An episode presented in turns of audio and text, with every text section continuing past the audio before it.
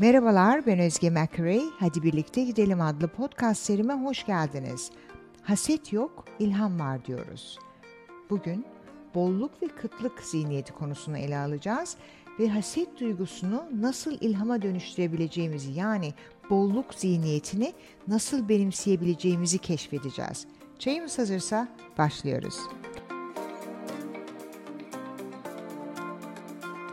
Hep ne diyorum? İlham her yerde eğer biz gerçekten ilham almak istiyorsak. Ben de bu dünyaya hem ilham almak için hem de ilham vermek için gelmişim. Buna inanıyorum, seviyorum ve kariyerim boyunca benim görevim bu oldu. İnsanlara, benimle çalışan kişilere ilham vermek. Bir iş sahibiyseniz, bir yöneticiyseniz göreviniz ekibinize ilham vermek. İnsanlar yönetilmez, şirketler yönetilir. İnsanlara liderlik yapılır ve ilham vermek de bunun bir parçasıdır. Motivasyon çok ayrı bir şey. Benim diğer bölümlerimi dinlediyseniz, beni dinlediyseniz genel olarak herhangi bir platformda yazdığım yazıları okuduysanız bunu zaten biliyorsunuzdur. Motivasyon hepimizde olan bir şey. Kimse kimseyi motive edemez ama o motivasyonun ortaya çıkmasına neden olabilir. İlham vererek esin kaynağı olarak. Şimdi de podcastımın aracılığıyla yapıyorum ve daha büyük bir kitleye ulaşabiliyorum. Ne mutlu bana.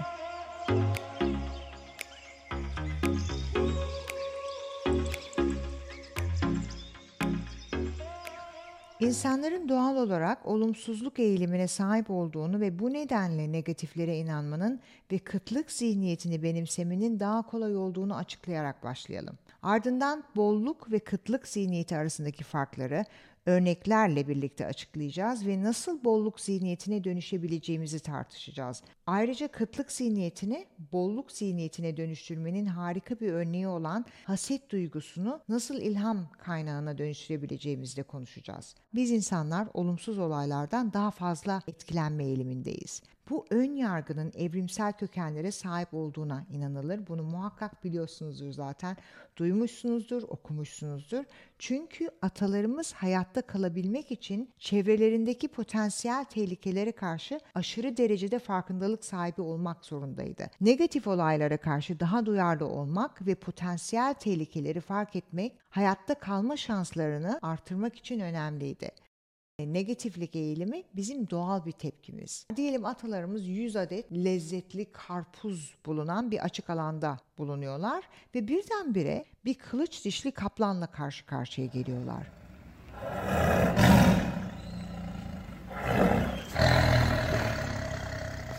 Şimdi bu durumda sizce atalarımız neye odaklanacaklar? Tabii ki hayatta kalmak için tehlikelere. Olumlu fırsatları seçici bir şekilde filtreleyecekler ve potansiyel tehlikeleri fark etmek için çok daha dikkatli olacaklar. İşte bu negatiflik önyargısı veya riskten kaçınma önyargısı olarak adlandırılır. Negativity bias olarak geçiyor İngilizce'de de. Beynin amacı bizi mutlu etmek değil, bizi üremek için yeterince uzun süre hayatta tutmaktır. Ancak bu negatiflik eğilimi zamanla kıtlık zihniyetine dönüşebilir. Yani sürekli olarak negatif olaylara odaklanmak, kaynakların sınırlı olduğuna ve başarıya ulaşmanın zor olduğuna inanmamızı yol açabilir. Bu da bizi bolluk ve bereket zihniyetinden uzaklaştırabilir.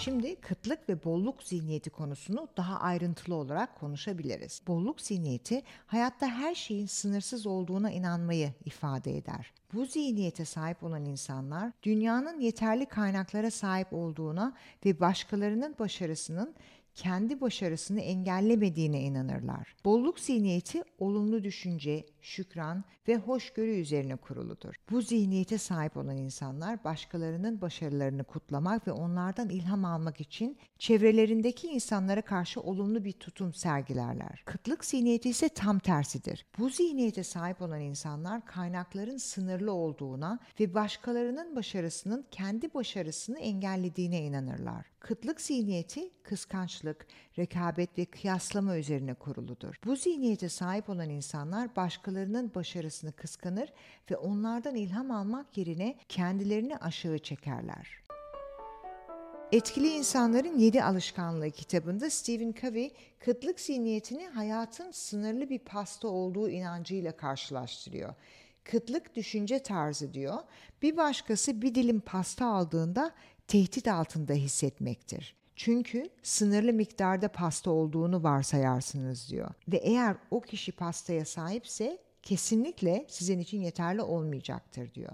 Bu inanca göre sadece belirli miktarda para, başarı ve iyi şans vardır ve biri büyük bir dilim alırsa sizin için çok daha az kalır. Sınırlı bir pasta inancına sahip olmak sadece seçeneklerinizi sınırlamaz, aynı zamanda ne kadar başarılı olabileceğinizi de sınırlar. Bolluk düşünce tarzı ise dünyada birden fazla pasta olduğunu bilmektir. Ve eğer bu pastanın bir kısmını alamazsanız gelecekte daha fazla pasta olacaktır zaten. Bolluk düşünce tarzıyla bir kişinin biraz pasta alması sizi mutlu eder. Yani o kişi o dilimi hak etmiştir sizin gözünüzde. Dünyayı bolluk içinde görenler herkes için yeterli fırsat olduğu bilgisiyle huzur bulurlar. Kararlarını aceleyle vermek yerine değerlerine ve yaşamak istedikleri hayata uyumlu, bilinçli ve dikkatli seçimler yaparlar.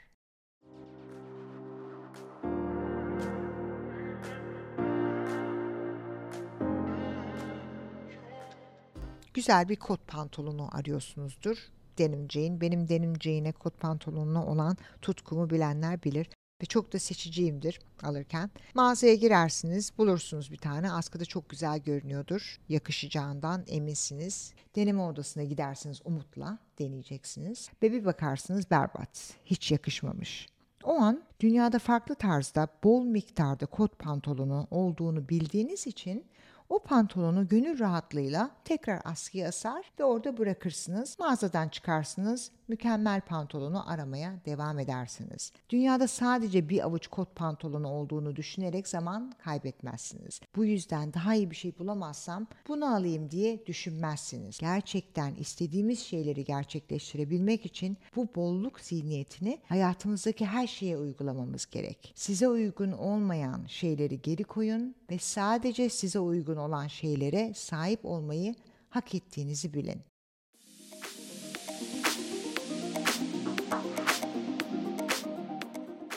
Haset yok, ilham var demiştik. Oxford İngilizce Sözlüğü, haseti başkalarının sahip olduğu eşyalara, niteliklere veya şansa duyulan hoşnutsuz veya kırgın bir özlem olarak tanımlıyor. Haset, kıtlık zihniyetinden kaynaklanan düşük titreşimli bir duygudur. Haset, başkasının istediğim bir şeye sahip olduğunu görünce kendim için de sahip olabileceğime inanmadığım için kırgın hissediyorum şeklinde evrene mesaj vermektir. İngilizce'de envy olarak tanımlanan bu duyguyu ben haset olarak tanımladım. Devam etmeden önce gelelim üç duygu durumuna. Şimdi yaptığım araştırmalara göre bizde bu envy duygusu biraz çeviride kayboldum burada. Çünkü Turn Envy into Inspiration olarak hayal etmiştim ben bu başlığı. Bildiğiniz gibi ya da bilmiyorsanız ben e, genel olarak İngilizce yazıyorum ve bunları sonra Türkçe'ye çeviriyorum. Bazen çeviride kayboluyorum. Bu benim logom oldu. Bu sefer de neredeyse araştırmada kayboluyordum.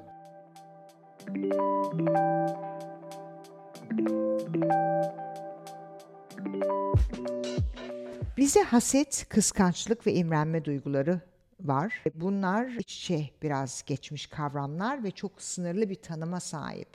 Bir de gıpta etmek var imrenmeyle aynı o sanırım. Haset kıskançlıkla sık sık karıştırılan bir duygu ama basitçe anlamı şöyle. Haset iki kişi arasında, kıskançlık üç kişi arasında olur. Yaptığım araştırmalara göre bu böyle. Başkalarının sahip olduklarını çekememe durumu haset. Birinde bir şey görüyorsun ve diyorsun ki ya onda olmasın bende olsun. O kişinin sahip olduğu iyi özellikleri veya sahip olduğu şeyleri çekemiyorsun. Kıskançlık üç kişi arasında oluyor. Eşini kıskanıyorsun mesela, sevgilini kıskanıyorsun. Bir çocuğun kardeşi olduğunda anne ve babasının ilgisini kaybedeceğinden dolayı küçük kardeşini kıskanması gibi. Yani kıskançlık bir kişinin bir şeye sahip olması ve bunu başkasına kaptırma korkusu olarak tanımlanıyor. Bir kaybetme korkusu var kıskançlıkta. Kültürün insana dair her şeyi şekillendirdiğini biliyoruz zaten. Yaşadığımız coğrafya, toplumsal adetler, yetiştirilme biçimimiz, gelenekler bunların hepsi bizim seçeneklerimizi, düşünce tarzımızı etkiliyor. Doğru ya da yanlış kültür yoktur adlı e, bölümü dinlediniz mi bilmiyorum. Tavsiye ederim dinleyin o bölümü. bizim kült bizim mesela Türk kültüründe seven kıskanır deriz. Yani kıskanmıyorsa sevmiyor demek sanırım. Ben Avustralya'da yaşıyorum. Ben yurt dışında büyüdüğüm için, yurt dışında yaşadığım için, Türkiye'de de yaşadığım için bunları gayet daha açık bir şekilde kıyaslayabiliyorum, görebiliyorum. Eşim İskoçyalı, yabancı. Bu demek değil ki yabancılar kıskanmaz, sadece Türkler kıskanır. Ama kültürel olarak İskoçlarda seven kıskanır diye bir söz yok.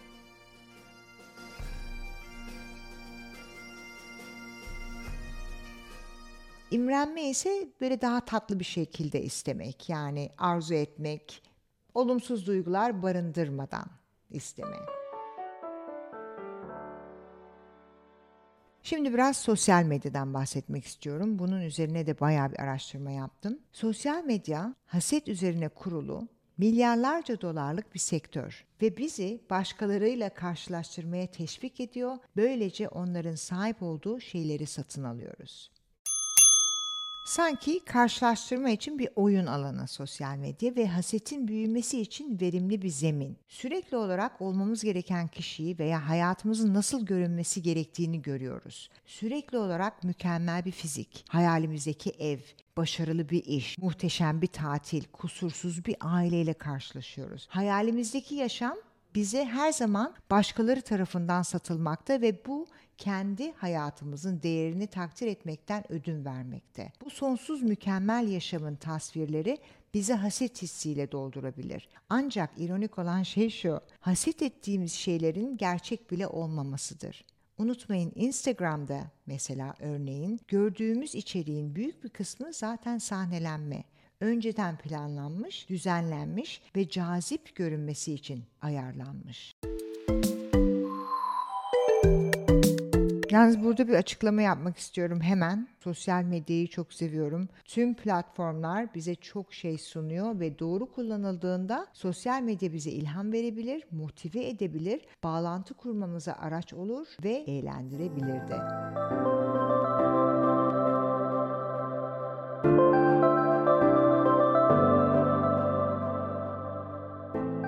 Şimdi gelelim ilhama. Benim en sevdiğim konuya. Macmillan sözlüğünün tanımına göre ilham, yapmamıza veya yaratmamıza yardımcı olan aniden gelen bir coşku veya yeni bir fikir hissidir. İlham bolluk zihniyetinden kaynaklanan yüksek titreşimli bir histir. İstediğimiz bir şeyi görüp ilham almamız demektir. Bu evrene herkes için yeterli olduğuna inanıyorum ve benim de sahip olabileceğime inanıyorum der. Tekrarlamak istiyorum. Buraya ilham her yerde. Yeter ki biz onu görmek isteyelim. Biz onu yeter ki kendimizi açalım. Gökyüzünden düşmüyor ama istersek ilhamı bulabiliriz. Haset duygusundan bile ilham alabiliriz istersek. Ne demiştik? Haset kıtlık düşüncesinden kaynaklanırken ilham yüksek titreşimlidir ve bolluk düşüncesinden gelir. Haset duygusu bizi ele geçirdiğinde düşünce yapımızı yeniden şekillendirmek ve bizi hayallerimize daha da yaklaştıracak bir ilham kaynağı seçmek için bir fırsatımız vardır. Mesela şöyle bir düşünce. Bu onların sahip olduğu bir şey ve ben de kendim için istiyorum. Haset başarı veya sevginin yeterli olmadığı bir düşünce yapısından gelir. Haseti ilhama dönüştürmek için şöyle bir şey söyleyebiliriz. İki insanın birlikte bu kadar mutlu olduğunu görmek çok güzel. İzlemek çok güzel ve kendim de bunu deneyimlemek için heyecanlıyım zamanı geldiğinde. Bu basit ancak çok etkili bir düşünce değişimi. Şimdi dikkat. Dürüst bir şekilde kendinizi değerlendirerek hasetinizi görebilir. Eğer böyle bir duyguya sahipseniz onu kabul edebilir ve size hayatınızda daha fazlasını istediğiniz ve ihtiyaç duyduğunuz şeyleri göstermesine izin verebilirsiniz. Örnek veriyorum. Hazır mısınız? Diyelim bir davettesiniz ya da bir toplantıdasınız. Bulunduğunuz ortam her neyse biri içeri girdiğinde kararlı bir özgüvenle doluysa hemen yargılamak yerine ay ne kadar kibirli gibi bir şeyler söylemek yerine kendinize onun o özgüvenini takdir edip öyle bir özgüvene sahip olmak isteyip istemediğinizi sorabilirsiniz.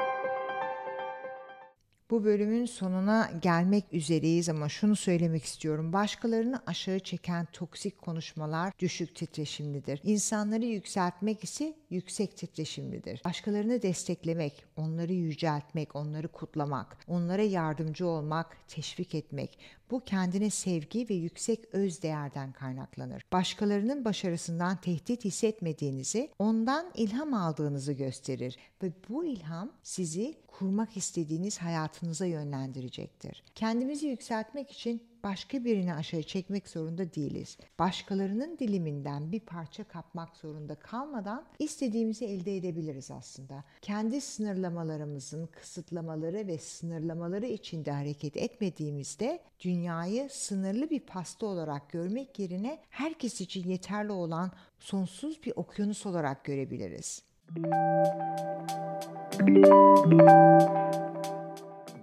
Evet, bölümün sonuna gerçekten geldik bu sefer.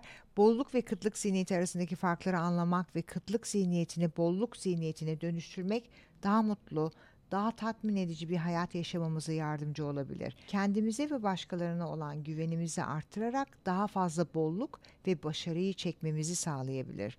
Bu bölümde bolluk ve kıtlık zihniyeti konusunu ele aldık.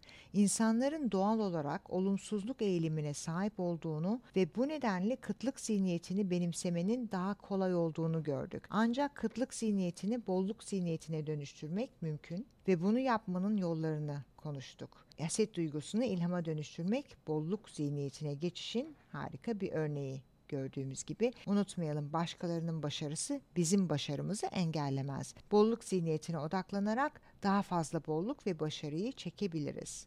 Son olarak şunu eklemek istiyorum. Durumlara ve zorluklara kıtlık zihniyetinden herkes için yeterli olmadığına inanarak veya bolluk zihniyetinden herkes için yeterli olduğuna inanarak tepki vermek için seçim yapabiliriz. Çünkü biz seçim yapma gücüne sahibiz. Hangi vizyonları oluşturacağımızı, hangi düşüncelere bağlanacağımızı, kiminle zaman geçireceğimizi, enerjimizi nasıl kullanacağımızı veya başkalarından hangi davranışları kabul edeceğimizi seçebiliriz. Yaptığımız seçimler kim olduğumuzu ve hayatımıza neleri çektiğimizi belirler. Bir bölümün daha sonuna geldik. Umarım bu konu size ilham vermiştir. Kendi potansiyelimizi keşfetmek ve başarıya odaklanmak için bir fırsatlar dünyasında yaşadığımızı unutmayalım. Ve hep dediğimiz gibi birlikte öğrenelim, eğlenelim, farklı düşünelim.